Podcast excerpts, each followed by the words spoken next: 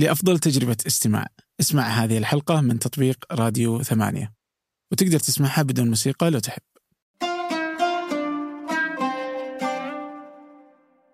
أهلا.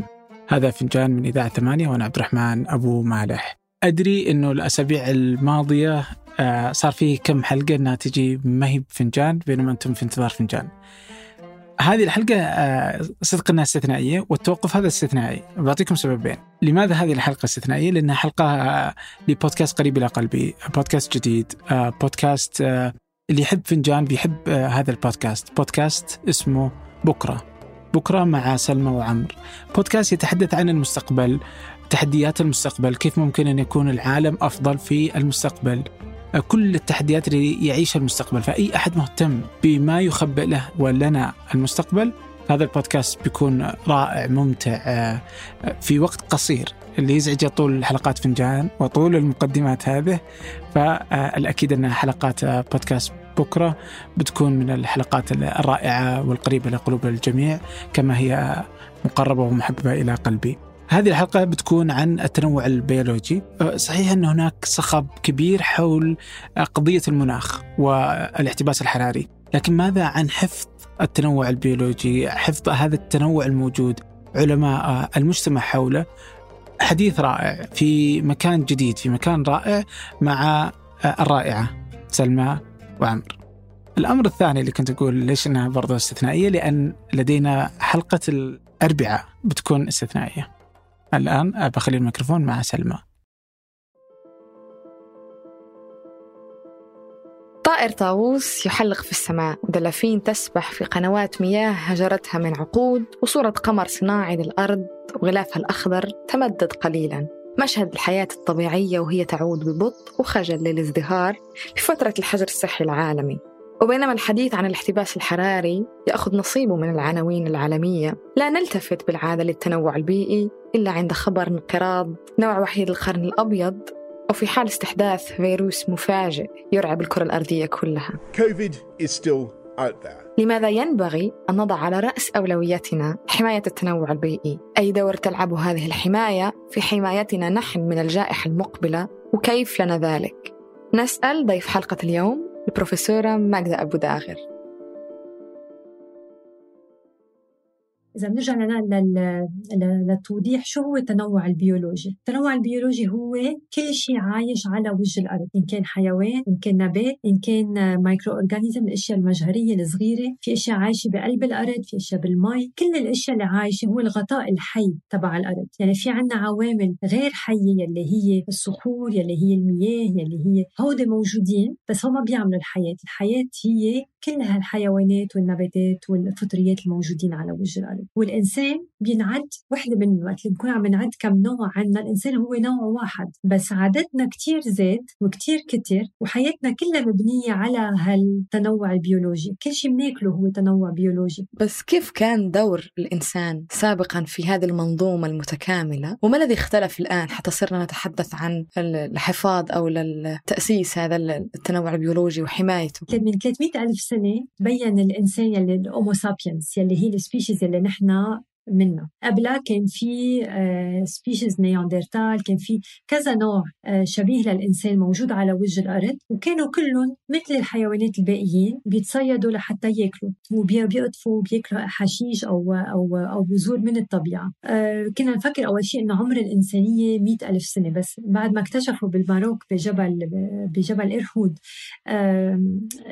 المتحجرات يلي خلت إنه نعرف إنه عمر الإنسانية ل 300 ألف سنة لحد اليوم هذا اللي بنعرفه يمكن يكون بعدين أبعد. فمن 300 ألف سنة ل 12 ألف سنة لورا بكل هيدي الفترة عم تخيلي يعني أكثر من 285 ألف سنة كان الإنسان موجود مثله مثل حياة لحيوان تاني. هو آه، دوره بهالسايكل تبع الحياة. يعني كانوا في حيوانات مفترسة تيجي تاكله وهو كان كمان يتصيد لحتى يأكل ويقطف لحتى يأكل. يلي صار هو إنه من 12 ألف سنة بالمنطقة يلي بنسميها نحن اليوم الهلال الخصيب يلي بين العراق وإيران وبتوصل على سوريا ولبنان. هي المنطقة يلي بعد ذوبان الجليد كانت منطقة كتير خصبة وكان في عدد من النباتات هي مؤهلة لحتى آه، ينعمل لها domestication أو ينعمل لها تدجين. يعني صار يقطف النباتات البرية ويحسنها. كل مرة يقطف حبة كبيرة ويزرع منها صار يقدر يزرع. يعني هون تمكنا من إنه نزرع. وبنفس الوقت قدرنا روضنا حيوانات وقدرنا عملنا domestication مثل الخروف مثل المعزاية وهودي كلهم بس عملهم هيدا الإنسان. صرنا عم نحكي عن الاستقرار وحكينا عن ال Neolithic Revolution لأنه الإنسان استقر من وقتها بلش عددنا يزيد بالنسبة لباقي الحيوانات لأنه صار في عدد الولادات كبر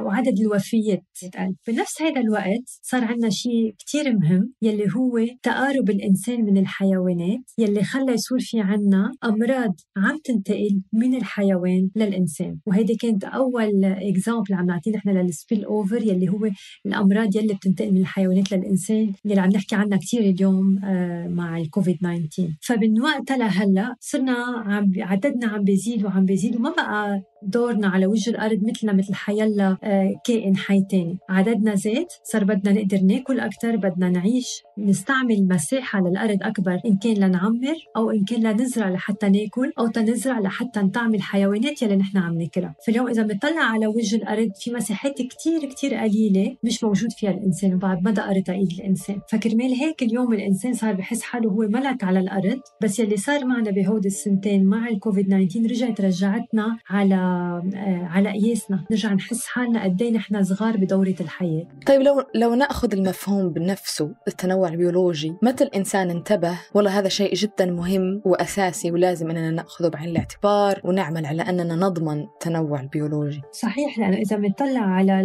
من من 400 سنة و300 سنة لورا وقت اللي كان في الاكتشافات الكبيرة اللي عم بتصير من آه، من الدول الأوروبية يلي عم بتروح على الجزر البعيدة عم تعملها مستعمرات وعم تستغلها بهيدا الوقت بعد ما كان عندهم هيدي النظرة إنه الطبيعة هي شيء منه بينتهي يعني شيء بيخلص إذا استعملناه في مجال يخلص.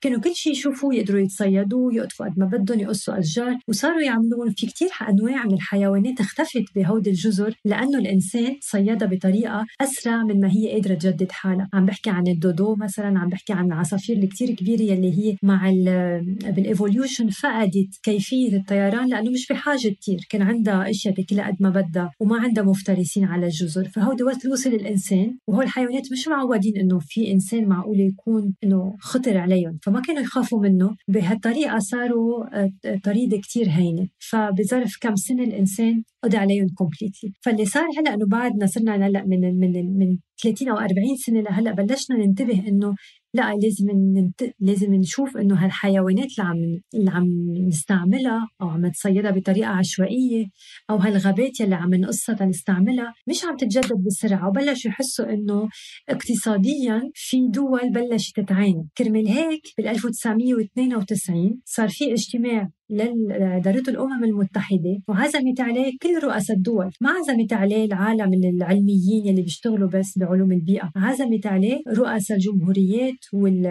والشخصيات اللي بتحكي بالاقتصاد باتفاقية ريو بال 1992 بالبرازيل. يعني أول مرة انتبه الإنسان لمشكلة اختلال التنوع البيئي والتوازن كانت لسبب اقتصادي بدرجة أولى. okay. يعني هن أكيد كانوا العلميين أكيد عم بنبهوا من قبل بنطلع بال... بال... بالكتب. آه، حتى من وقت من وقت العلماء الفرنسوية بعده كانوا عم يحكوا. من 1700 عم ب... عم بنبهوا إنه انتبهوا بس ما كان حدا يسمع لهم. بس وقت اللي بدق بالاقتصاد وقت اللي بندق بال آه، ببنى الدول الدول العظمى يلي رح يخف اقتصادها من وراء التنوع البيولوجي هون انجبروا يقعدوا على نفس الطاولة ويفكروا شو لازم يعملوا لحتى آه، ما ينهار الاقتصاد تبعهم. حاليا في السنوات أو في الأشهر الأخيرة الحديث عن أنه فقدان التنوع البيولوجي أو اختلاله كان له دور مباشر أو غير مباشر لكن كسبب أساسي في انتشار الأوبئة أو الفيروسات وتعزز هذا الحديث مع الكوفيد 19 هل فعلا هنالك علاقة تجمع فقدان التنوع البيولوجي وانتشار الأوبئة؟ آه نعم أكيد لأنه ال ال الرابط آه واضح وقت بنشوف أنه آه حكينا هذيك الساعة من 12 ألف سنة وقت اللي بلش الإنسان يجيب الحيوانات ويربيها حد بيته وقت اللي بلش يقتلها وياخد الجلد تبعها لحتى يلبسه ولحتى ياكل اللحم تبعها ويربيها بحد بيته وهن عايشين يعني مش إنه يقتلها ويجيبها. صار في انتقال من الحيوان للإنسان. بلشنا بالأمراض يلي اليوم بنعتبر حالنا إنه قضينا عليها. وبرضه بعد اليوم في أمراض ما بننتبه ما بنتذكر نحن إنه هيدي آه، آه، عم ينقلها الحيوان بس حكينا وقتها عن آه، مثلا عن عن الإيبولا عن عن عن عن كذا مرض عم ينقلهم الحيوان للإنسان بس مش بهالطريقة لأنه بس يمرض الإنسان فيهم ايامات كثير بيكون وضعه كثير صعب لدرجة إنه ما بينتقل. فضلنا هالأوبئة موجودة بمنطقة معينة يعني بتنتقل ببلد كبير. بس ما كانت باردون كانت كانت تكون ابيديمي يعني كانت تكون بمنطقة معينة لكن لا تنتشر عالميا. آه هو الكورونا اليوم صحيح إنه كانت آه كانت fr: pandémie يعني انتقلت من منطقة لمنطقة وتوصلت على الكرة الأرضية. بس في كثير أمراض تانية كانت عم تنصير يعني مثلا بمنطقة ال Middle East في عنا ال MERS-CoV اللي هو ال Middle East respiratory coronavirus. وفي عنا آه، أنواع تانية مثل يلي بتنتقل بالعصافير ومثل عم نحكي ال fowl أو إنفلونزا الطيور. yes إنفلونزا الطيور. هودي كلها عم ينتقلوا من الحيوانات للإنسان. بس العوارض تبعهم كانت تكون سريعة وكانت ما تخلي الإنسان يلي حملهم يقدر يتنقل بسهولة. لهالدرجة لهال لهالسبب كانت تضلها آه، محفوظة بمناطق معينة. بس اللي صار اليوم مع مع الكوفيد 19 إذا صحت إنه آه، إنه هي جاية من من ال bats وانتقلت من ال pangolin هي لأنه الإنسان عم بيوسع آه، انتشاره وعم بفوت على محلات ما كان فايت لها قبل بوقت على غابات على مناطق. كتير صار بطريقة عم بي عم بيأثر على هالحياة البرية. يعني هذا التدخل أحيانا لما الإنسان يتدخل في منطقة معينة هو وهو ما زال ما فهمش جذريا وكليا هذه المنطقة كيف تركيبتها شنو الأنواع الحية فيها هذا التدخل من دون المعرفة يسبب بشكل مباشر في هذا الانتقال الفيروسات والأوبئة. نعم بس هيك كمان مش بس إنه من غير المعرفة هو أصلا منه فايت ليكتشف. لو إنه الإنسان عم بيروح ليكتشف هذا الشيء وقت اللي عم بيروح عم بقص الشجر وعم بيستحل المحل وحتى بآخر بآخر المناطق يلي بعد فيها محلات برية الإنسان عم بفت لحتى لحتى يستقر ويعمل بيوت ويعمل معامل ويعمل استخراج لل للمواد الأولية لحتى يستعملها. يعني إذا بنطلع اليوم على على وجه الأرض بنشوف إنه هالمناطق يلي فيها حياة برية عم بتخف يعني مساحتها عم بتقل عم بتقل. يعني هو الحيوانات الموجودين والحياة البرية عندهم محل على طول أصغر وأصغر وأصغر. فشو بيصير في الحيوانات وقت اللي وقت اللي هيك بنزركه بالزاوية أو بنحطه بمحل كتير ضيق؟ مضطر يرجع يصير في reaction ويظهر. يعني عم نجبره يقدر يرجع يقرب من الإنسان. مش هو عم بيقرب الإنسان عم بفوت على على عقر داره. على مساحته. على مساحته. من هيك هذا الشيء عم بيسهل انتقال الأمراض من الحيوانات للإنسان. طيب وماذا عن التنوع البيولوجي تحت الماء؟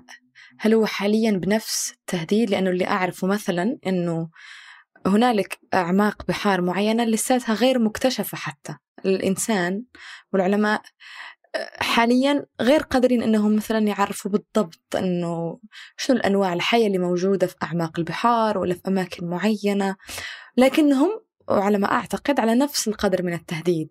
وهل تهديد التنوع البيولوجي في البحر يؤثر كذلك بشكل مباشر على التنوع البيولوجي على سطح الأرض؟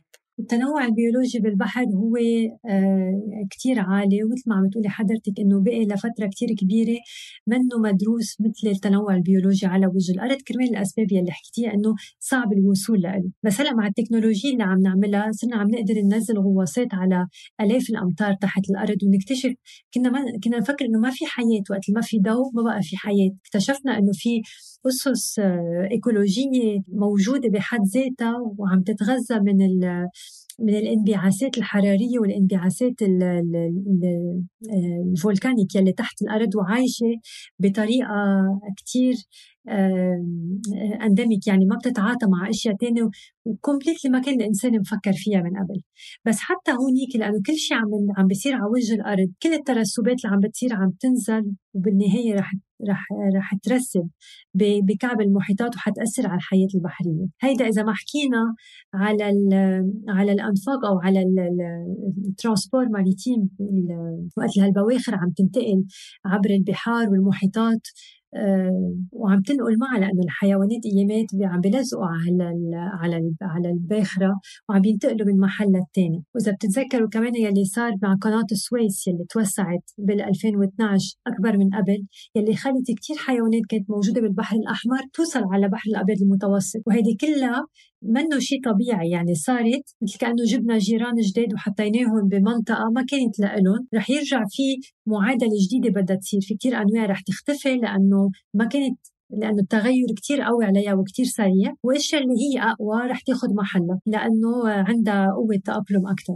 فكل الأشياء مرتبطة ببعضها يعني إن كان على وجه الأرض ولا إن كان بالمي الحياة بدنا نعتبرها مثل مثل غطاء عايش ومرتبط كله ببعضه وكتير complexe هالعلاقات الموجودة بين الكائنات الحية هي أصعب شيء وهي أصعب شيء لحتى نرجع نخلقها. يعني وقت بنصير نحن عم عم نخفي هالأنواع العايشة الأنواع الحياة عم تختفي وحدة ورا الثانية مثل كأنه عم عم آه، عم نهينه لهال لهال réseau لهالشبكة. عم عم نفكها شوي شوي بوقت من الأوقات رح تقشط كلها سوا ونحن معها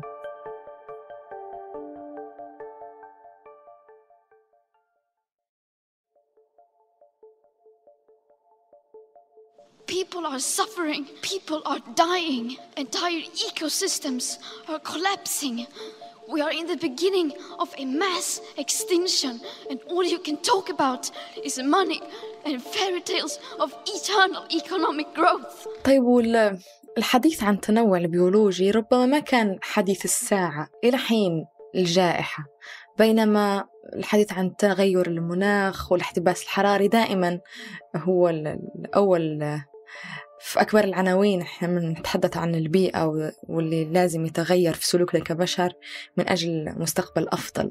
طيب لماذا هذا عدم التوازن بين القضيتين؟ وهل هل هذا يعني أنه التغير المناخي أهم من التنوع البيولوجي ولا في الأصل والمتوقع أنه يكملان بعضهم البعض؟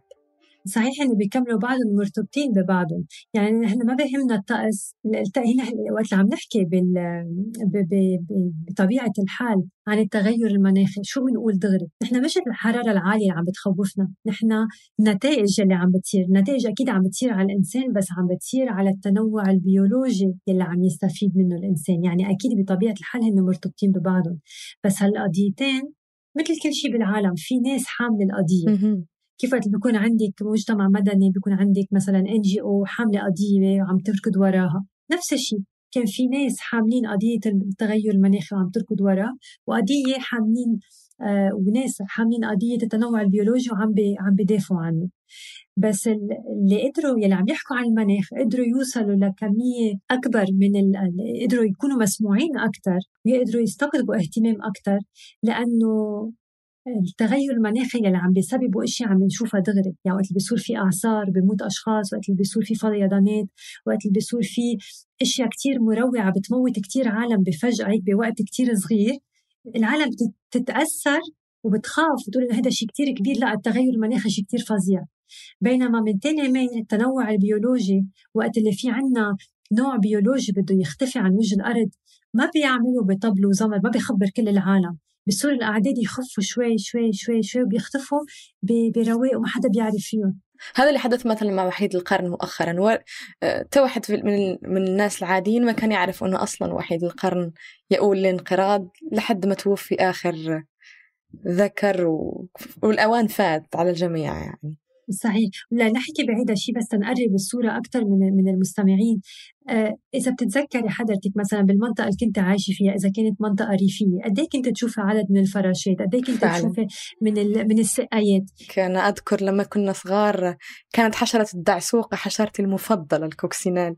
وحاليا أظن 12 عام ما شفتش دعسوقة بالمرة غير موجودة ولا أحد منتبه لغيابها يعني. صحيح هذا اللي عم بيصير يعني الأعداد عم بتقل وهذا الشيء عم بيصير نفس الشيء بالعصافير وعم بيصير مع الزواحف وعم بيصير مع مع الضفادع.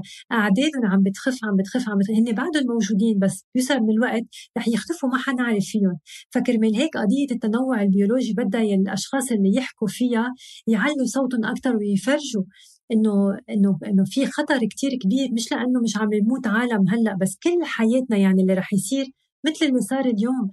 بينت قد إيه هشاشة ال system يلي نحن عايشين فيه قد إيه متكل على التنوع البيولوجي إذا التنوع البيولوجي اندثر الحياة على الأرض كلها رح تندثر والشيء اللي بخوف أكثر هو إنه الحياة رح تكفي بعدنا. يعني الإنسان وجود الإنسان هو المهدد. بس إذا اختفى الإنسان عن وجه الأرض مثله مثل حيالله نوع ثاني بسبب مرض أو بسبب جوع أو بسبب شيء ثاني الحياة حترجع تكفي. نحن بنعرف بال crise écologique وقت بنحكي بال وقت مثلا الديناصورات كان في وقت ملايين السنين كانوا هن حاكمين الأرض وقت ما كان موجود بعد الإنسان. حكموا ملايين السنين. صار شيء تغير اختفوا عن وجه الأرض.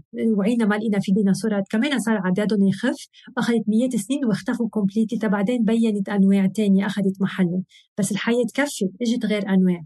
فاللي رح يصير اليوم اللي إحنا خايفين منه واللي عم نسميه نحن هي يلي الكريزه اللي حيختفي فيها الإنسان. هي تسمى أزمة أزمة أزمة الانقراض السادسة، لماذا السادسة؟ لأنه في خمسة قبل واللي خمسة اللي قبلها ما كان الإنسان بعد موجود على وجه الأرض لحتى يعيشون بس عنا بقلب الأرض عنا أركايفز آه، موجودين بخبرونا إنه هون كان في ديناصورات ومن من من 63 مليون سنة ما بقى في لأنه بالطبقات اللي أعلى منهم ما بقى في شيء موجود بس قبلهم كان في موجود. يعني في ارشيف موجودة بالأرض بتخبرنا ال fossiles والمتحجرات بخبرونا شو صار.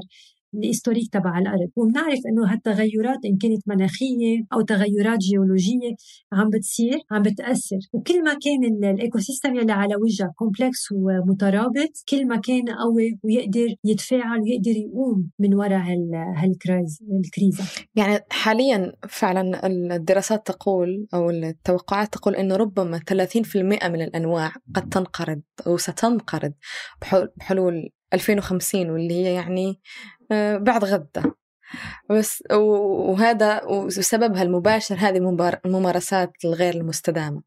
والسؤال دائما يطرح إذا كان علماء المناخ قدروا أنهم إلى حد ما يرفعوا صوتهم أكثر ف وش المطلوب كناس يحملون هم التنوع البيولوجي؟ وكذلك كحكومات شنو اللي خصنا نديروه اليوم لتغيير هذا الرقم وال... حماية هذه الأنواع من الانقراض؟ هيدي أول سنة إحنا المجتمع العلمي كتير كتير فرحنا لأنه هي أول سنة صار في هالمجموعتين اللي عم نحكي عنهم المجموعة اللي عم بتدافع عن المناخ ومجموعة عم بتدافع عن التنوع البيولوجي. لأول مرة بيتفقوا مع بعضهم وبيحكوا بصوت واحد.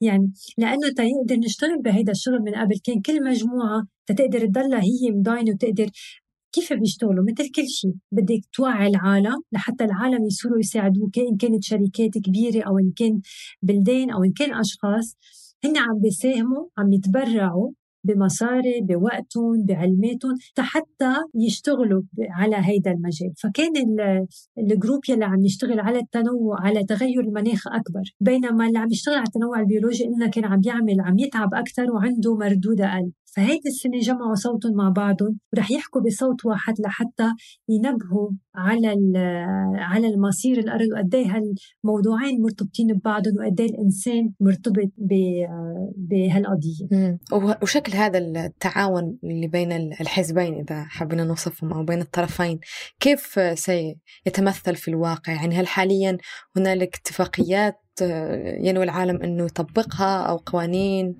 والتزامات. صحيح كل البلدان إن كان بميلة التنوع البيولوجي أو كرمال المناخ في آه، ماضيين على على اتفاقيات عالمية آه، عم بيصير في مؤتمرات كل سنة بعد سنة بيشوفوا بيقولوا ولا مثلا نحن بدنا نعمل من ورقة مثلا بال 2010 عملوا ورقة يقولوا بال 2020 لازم نكون عملنا هيك. وبيرجعوا بال 2020 أو بال 2019 بيطلعوا بيقولوا قد إيه قربنا من الهدف تبعنا.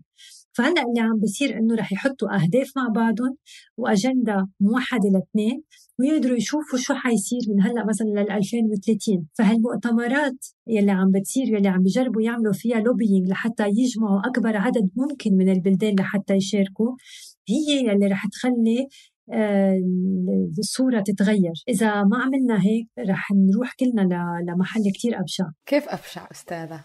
يعني لو مثلا نحطها بالأرقام بحلول 2050 و30% من هذه الأنواع من أنواع الحياة ربما تنقرض. ما الذي يتوقع العلماء؟ يعني الحياة كيف ستكون أنذاك؟ وش الأمر المرعب والمخيف اللي لازم كنا نخافه؟ ولا ننتظر يعني حتى نشوف فيضان أو درجات حرارة مرتفعة. تعامل مع الطبيعة إذا قد إيه فينا نكون عم نشتغل بطريقة بتوفر على الطبيعة يعني بنوقف البذخ الفاجر يلي مش يعني عم نستعمل أشياء أكثر مما لازم. يعني هيدا البذخ يلي ما له عازة هيدا أقوى أول شيء هو يلي عم بيأثر أكثر على الطبيعة. يعني التليفونات وقت ما نجدد كل سنة ما نجدد التليفون تبعنا ال matières premières يلي عم يشتغلوا فيها هيدي كمان عم تجي من الأرض عم تجي من بلدان عم بيقصوا شجر تيقدروا يوصلوا على ال على ال على الأرض تحتها وعم يختفي موائل بيئية لحتى يوصلوا لها. فهي هيدا أول شغلة فينا نعملها هي إنه نحن نكون مقتصدين للمصروف تبعنا بالأشياء اللي عم نستعملها كيف عم نستعمل الطبيعة. ناكل مثلا من الأنواع يلي بتطلع بالمنطقة عنا وبالوقت ما نجيب أشياء جايبينها من عايشين نحن هون بال Méditerranée بدنا نجيب أشياء من البيرو تنقدر نستعملها مثلا. ثاني شغلة وبنظري أنا كمان كثير مهمة هي صوتنا وقت اللي بنروح على الانتخابات. يعني اللي عم بيصير اليوم إنه القرارات الكبيرة مين عم ياخذها عم ياخذوها الأشخاص يلي هن بي بي عندهم ذمة القرار يلي واصلين على مناطق عم يحكوا باسم الشعب. والشعب وصلهم أكثر شيء عندنا بالمنطقة العربية. وقت اللي بنعطي وقت اللي بيكونوا عايزين اصواتنا هن بيركضوا علينا وشو ما بدكم تكرم عينكم معهم بروجرام ولا ما معهم وقت اللي بيوصلوا على على محل عم ياخذوا عم ياخذوا قرارات. ما عم ياخذوا بعين الاعتبار. الاستدامة تبع تبع الأرض والاستدامة تبع الشعب تبعهم. اللي عم بفكروا فيه هي إشياء عندها مردودها سريع تيفرجوا إنه هن عم يشتغلوا وهن عم بنموا الاقتصاد بس هيدا الاقتصاد تنمية الاقتصاد يلي عم بتصير أو خلق فرص العمل عم بتصير بطريقة كتير سريعة وكتير عشوائية ما بتاخذ بعين الاعتبار استدامة الموارد الطبيعية تبع البلد. فالأشخاص يلي بدنا نجيبهم لازم يكون عندهم هيدا الوعي وما يكون عندهم حب آه، النفوذ والاستدامة بمحلاتهم. نحن بدنا استدامة للموائل البيئية ما بدنا استدامة للبوليتيشنز بالقرارات اللي عم ياخذوها لما لما نرجع خطوة للوراء ونستمع لهذا الكلام وكلام المختصين. يبدو أن الأمر حتمي وأساسي. لازم أنه أصحاب القرار يتعاونوا مع الأفراد والشعوب لضمان هذه الحياة. لأن هذه مسألة حياة أو موت والفارق الزمني آه، قصير جدا. إذا كانت الديناصورات أخذت مدة طويلة لتنقرض أو عاشت ما عاشت فيعني نحن 2050 هذه بعد غدة. فبرأيك ما هي هذه العقبات اللي تحول دون تطبيق هذه المبادرات أو دون هذه هذه الأشياء اللي لازم تطبيقها؟ أو إيش حتى الأشياء اللي تصعب تنفيذها على الأرض؟ الصعب هي إنه البلدان الفقيرة هي أكثر وحدة حتتأثر على المدى القصير بس على المدى الطويل كل العالم رح يتأثر.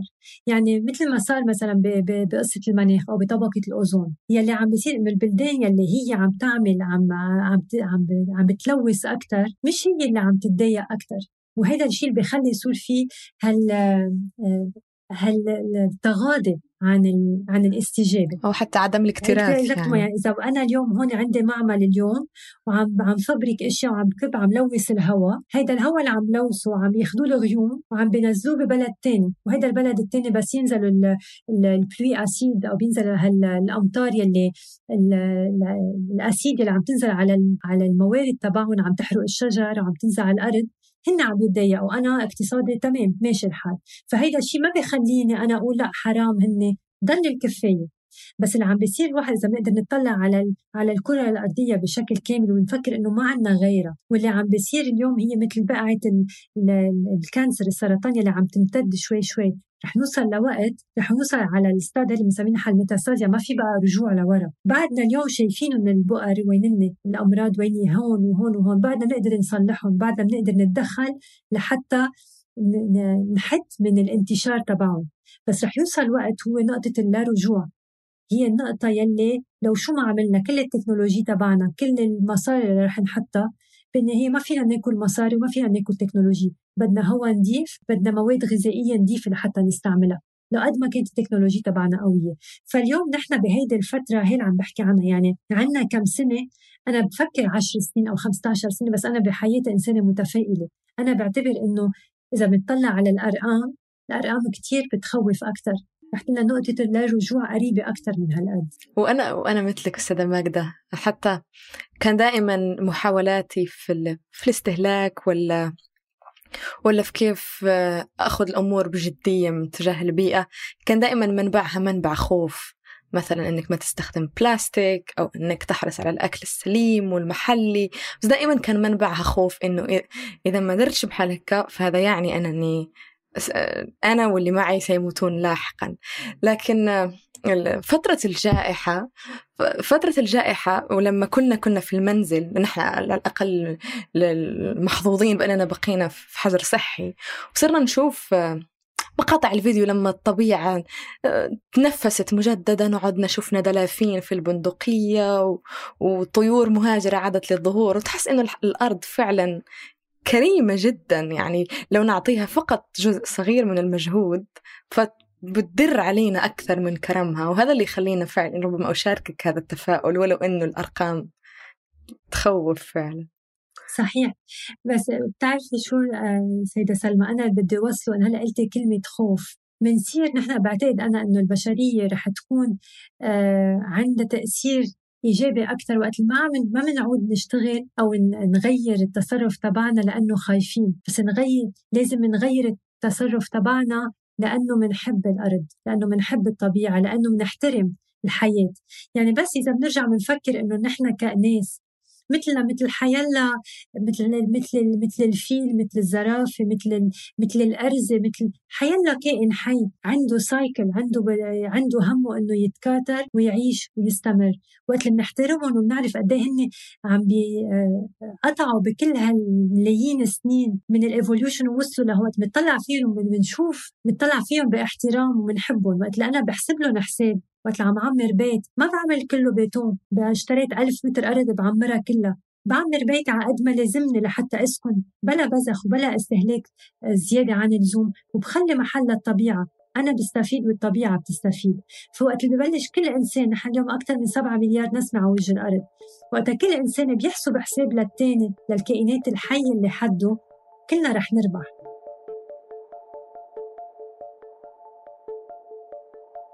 أنتجت هذه الحلقة غيداء جمعان أشرف على إنتاجها ثمود بن محفوظ وفي التحرير عبد الله المالكي وأحمد حامد كيف نصنع مستقبلا أفضل؟ شاركونا مقترحاتكم وأسئلتكم على بريد البرنامج بكرة at ثمانية dot com وتابعونا على حساب إذاعة ثمانية على تويتر at ثمانية بودكاست